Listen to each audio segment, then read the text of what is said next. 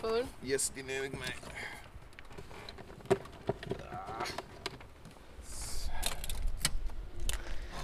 Oké. Dus, we zijn in Brussel. Eindelijk. En we gaan naar... Wij gaan naar Els. Moors. Je luistert naar Grensgangers. Een podcast waarin twee duo's jonge schrijvers uit België en Nederland de grens overgaan om in gesprek te gaan met schrijvers aan de andere kant. Daan Janssens en Jens Meijer gaan vanuit België naar Nederland. En wij, Onias Landveld en Lisa Weda, gaan vanuit Nederland naar België om te praten over het literaire landschap van de boven- en onderburen. We proberen een antwoord te vinden op de vraag of er een literaire kloof is en of, als dat zo is, deze gedicht zou moeten worden.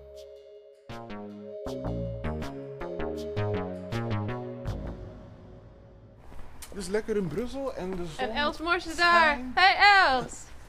Zal ik alvast naar Els lopen? Eh, ja, loop maar naar Els. Dan kijk ik even hier hoe ik dat moet regelen. Ik moet even een parkeerticket fixen. Hebben ze hier muntjes? Ik heb nog wel muntjes.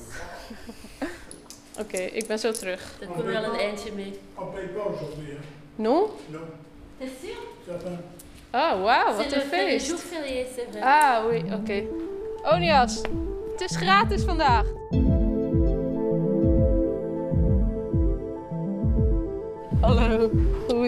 Goedemorgen. Goed, met jou? Goed? Is het je nieuwe job in plaats van boeken schrijven? Was het maar zo'n feest? Nee man. Ik Kijk, was vergeten, Nederland is de enige het die deur moet 1 dicht. mei niet viert. Hi, Goedemorgen. Onias. Jongen, jongen, jongen. Echt? Ja. Wat geweldig. Dit is wel heel lief. Lekker hè, flesje bij. Nou, wij zijn dus in Brussel bij Els Moors. Tof dat jij dit wil doen, joh, in jouw stamcafé. Hoe heet het café?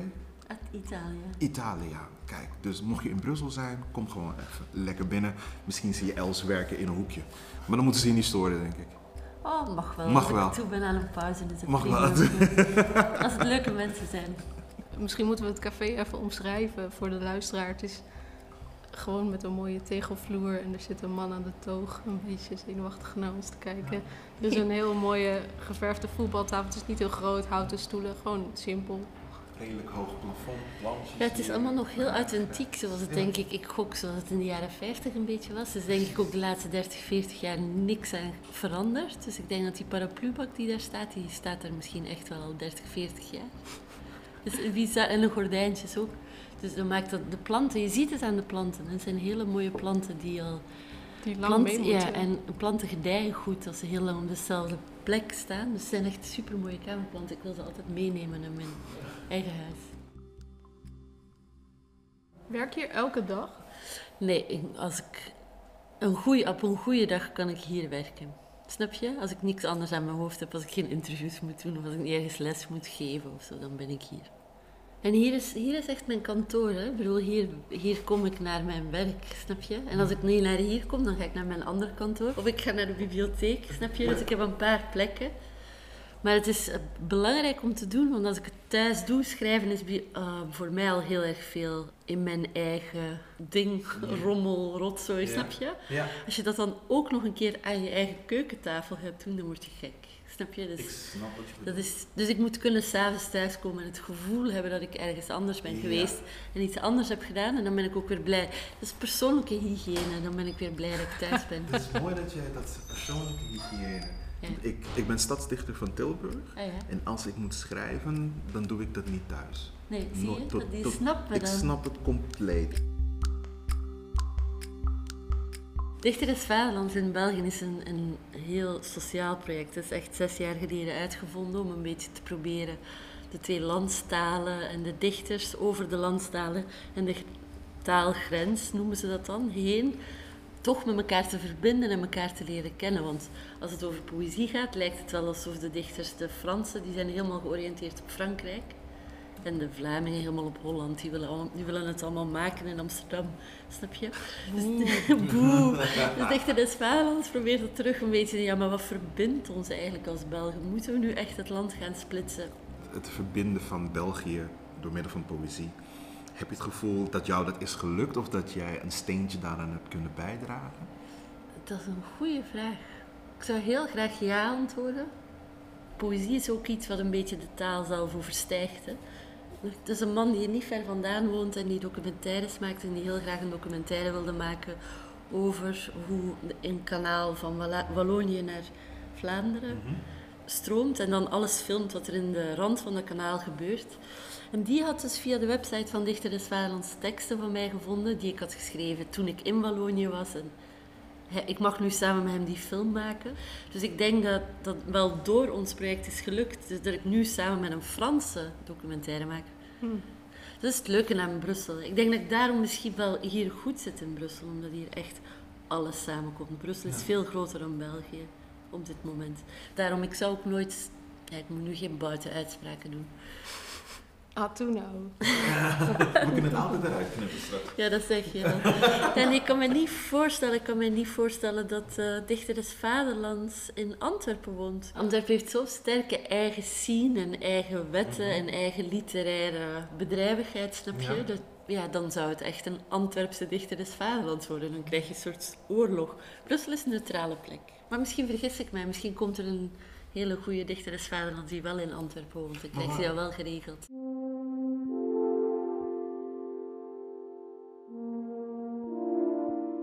Als dichter des vaderlands, ik neem aan je leert België kennen. Ja. Wat heeft jou verrast op een positieve manier en een negatieve manier aan België?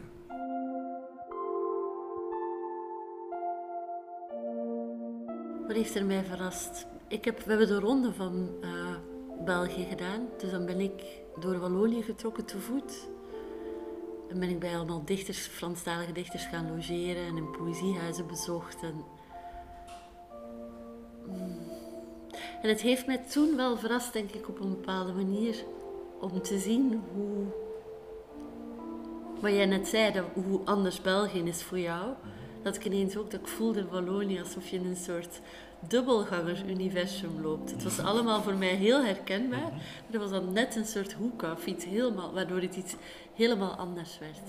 Dus dat vond ik wel heel verrassend. Dan ontdek je dan maar door echt te voet onderweg te zijn en bij mensen te logeren en heel intensief. Dat heeft mij op een heel positieve manier verrast. Ook omdat het daar nog altijd heel mooi is, de natuur en dingen. En op een negatieve manier ah, verrast. We- Weet je wat, ik, wat je dan toch beseft in België? Dat we, we hebben een troef, we zijn heel flexibel, we spreken heel veel talen, we zijn heel nieuwsgierig en bereid om andere landen heel goed en interessant te vinden. Er is altijd iets wat ze in Nederland beter kunnen. Er is altijd iets wat ze in Frankrijk nog beter kunnen dan ons, snap je?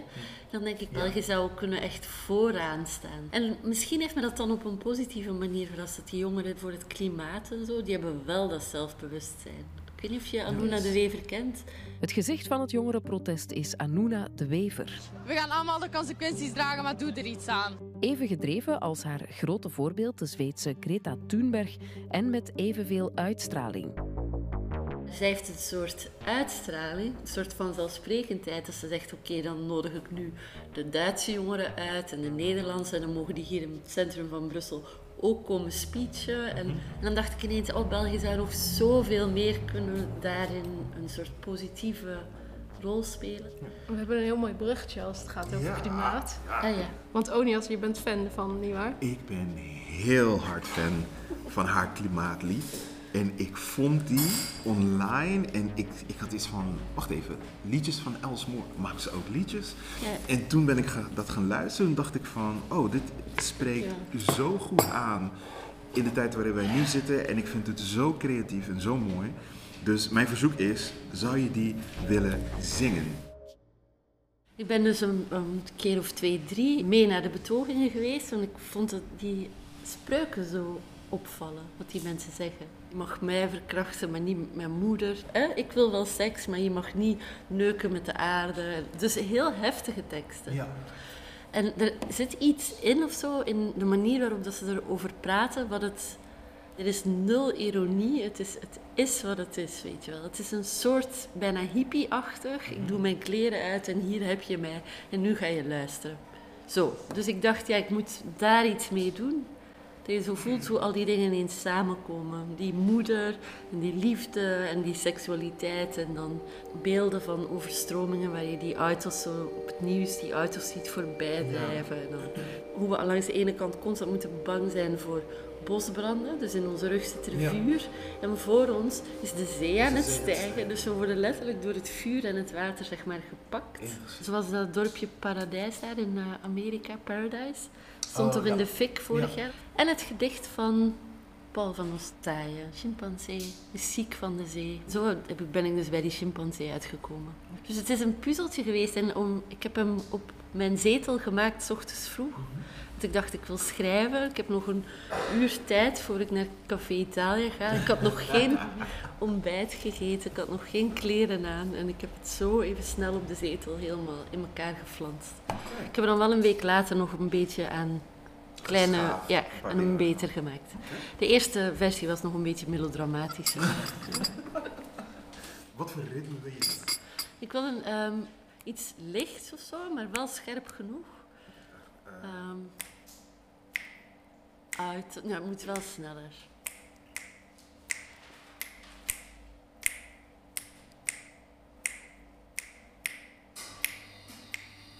Dat is de ijsmachine die met.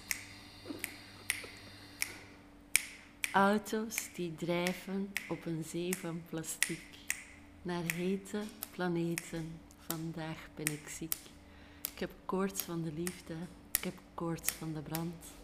Ik heb koorts van mijn moeder, geen boom op haar strand. Is veilig voor het water, dat komt waar het gaat. Hoe heter, hoe beter. En ja, ook op straat.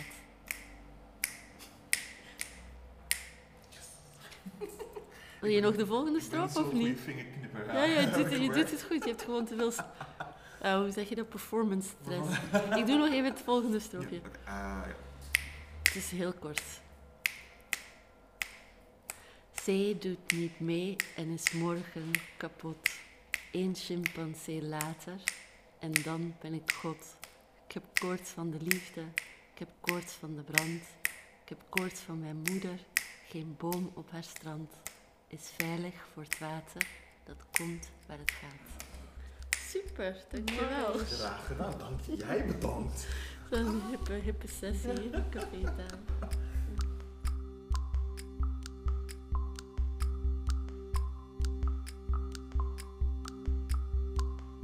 Zijn er dingen die je hebt geschreven waarvan je eh, dacht van... Nee, dit, dit kan ik niet publiceren. Dit kan ik niet aan de mensen laten lezen. Eigenlijk is dat voortdurend aan de hand. Kijk, als je iets gaat schrijven voor mensen, dan ben je heel snel beland in een soort opstelmodus, snap je? Dan ben je een soort opstelletje aan het schrijven, waar je een soort bemiddelt wat je wil zeggen en het soort verteerbaar maakt voor degene die luistert. Ja. En voor ik dat perspectief heb, waardoor ik denk van ja, zoals diegene nu praat en wat diegene nu zegt, zo kan ik het accepteren. Dat is een lange weg en tot je daar bent, is, vind- zijn mijn teksten eigenlijk altijd allemaal slecht en onleesbaar. Als het je lukt om een goede tekst te maken die autonoom wordt, dan is die onderdeel van een ander universum. Sowieso. En dan denk ik, dan accepteren mensen hem wel of niet, maar dat maakt niet uit. Maar dan hoef ik hem niet meer te hebben. Het is zoiets als een kind maken en dan zeggen, nu mag je niet volwassen worden, niet groot worden. Nu moet je de hele, heel je leven naast mij blijven zitten, Ja. snap je? Dus het zou heel gemeen zijn. Maar tot het zover is of zo, dan heeft niemand er zaken mee. Dus begin je wel eens aan een soort overmoedige tekst? En dat je dan, weet ik veel, op een derde denkt, oh nee. Oh, Ik denk altijd van als het zweet mij uitbreekt, dan is dat toch een goed teken. Dan denk ik meestal van, ja, nu ben ik echt iets aan het doen waar ik voor mezelf iets op het spel zet. Dan ben ik, dan ben ik dankbaar en dan heb ik weer zin om schrijver te zijn. Ik moet wel dingen doen waar ik zelf een beetje bang van word. Want in dat opzicht ben ik wel, denk ik, soms een beetje meer een soort sportman, denk ik vaak.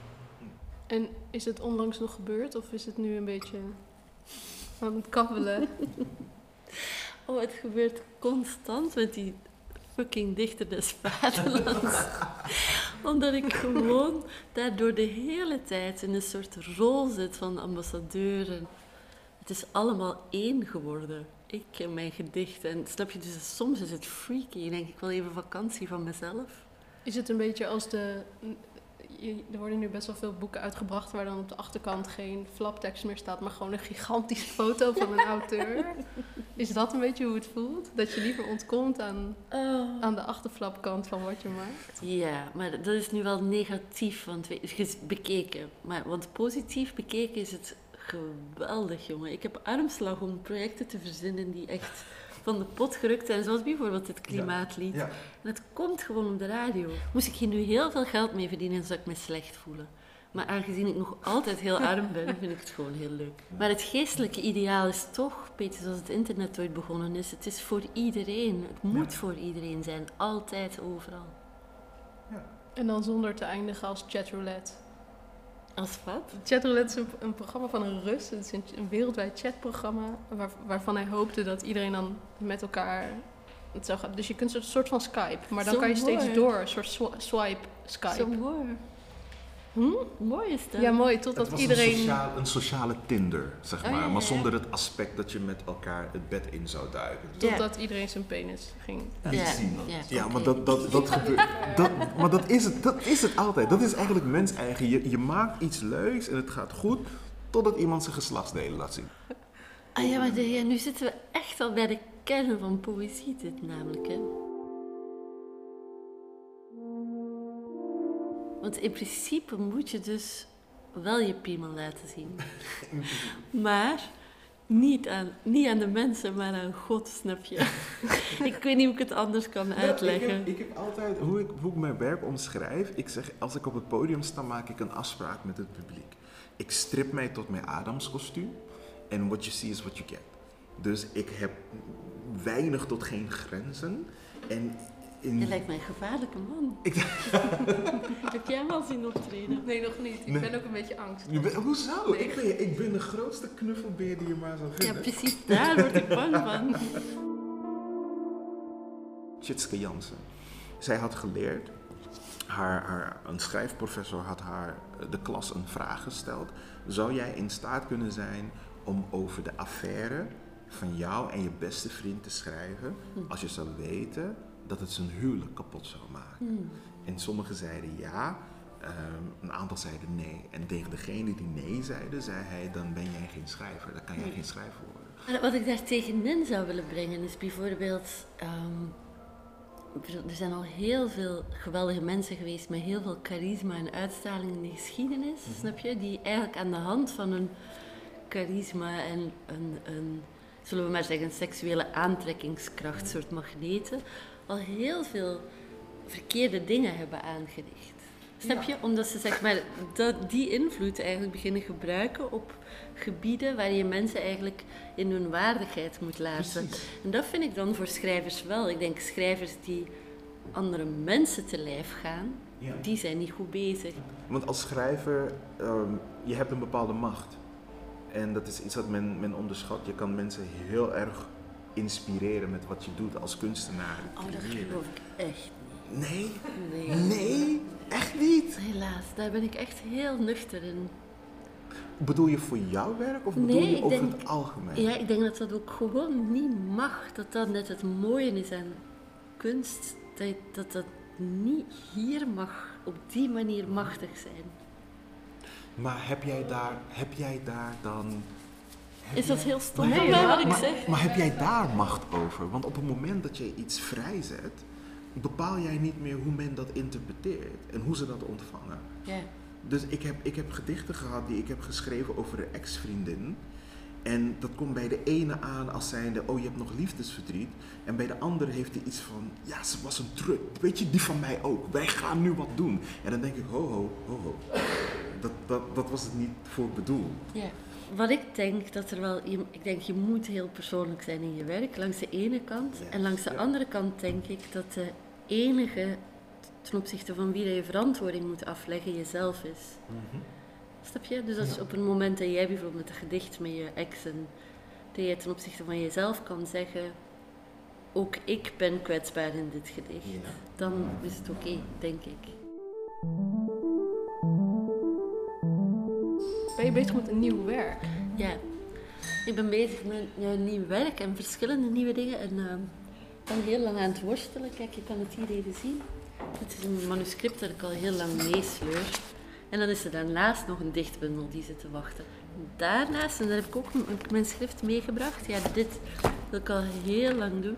Een paar filosofieboeken die ik heel belangrijk vind. De geschiedenis van de seksualiteit van Foucault, de Anti-Oedipus van Deleuze en Guattari. En dan ben ik nu Spinoza aan het lezen en dan het symposium van Plato. En ineens valt er heel veel op zijn plaats. Dit wordt een soort essay. Maar het is weer zo'n moeilijk boek, want wie gaat dit willen uitgeven? Maar dit is dus allemaal voor volgend jaar. Dit wordt hard werken. Nou, Els, wij gaan dan afsluiten. Wij gaan uh, even... Donuts halen in Antwerpen. Wij gaan donuts halen in Antwerpen. Vierkant zijn ze en ze zijn groter dan mijn hand of even groot als mijn hand.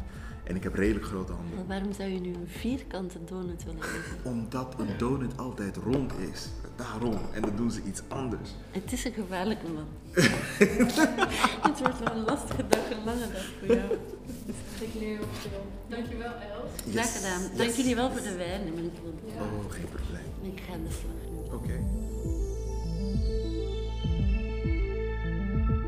Je hebt geluisterd naar Grensgangers, een productie van Tilt en Totaal met steun van de buren en het Vlaams Fonds voor de Letteren. Wij zijn Onias en Lisa. De eindredactie wordt gedaan door Anne van de Wetering en Pim Cornelissen. De muziek is afkomstig van Amir Vahidi en montage gebeurt door Misha Kolen.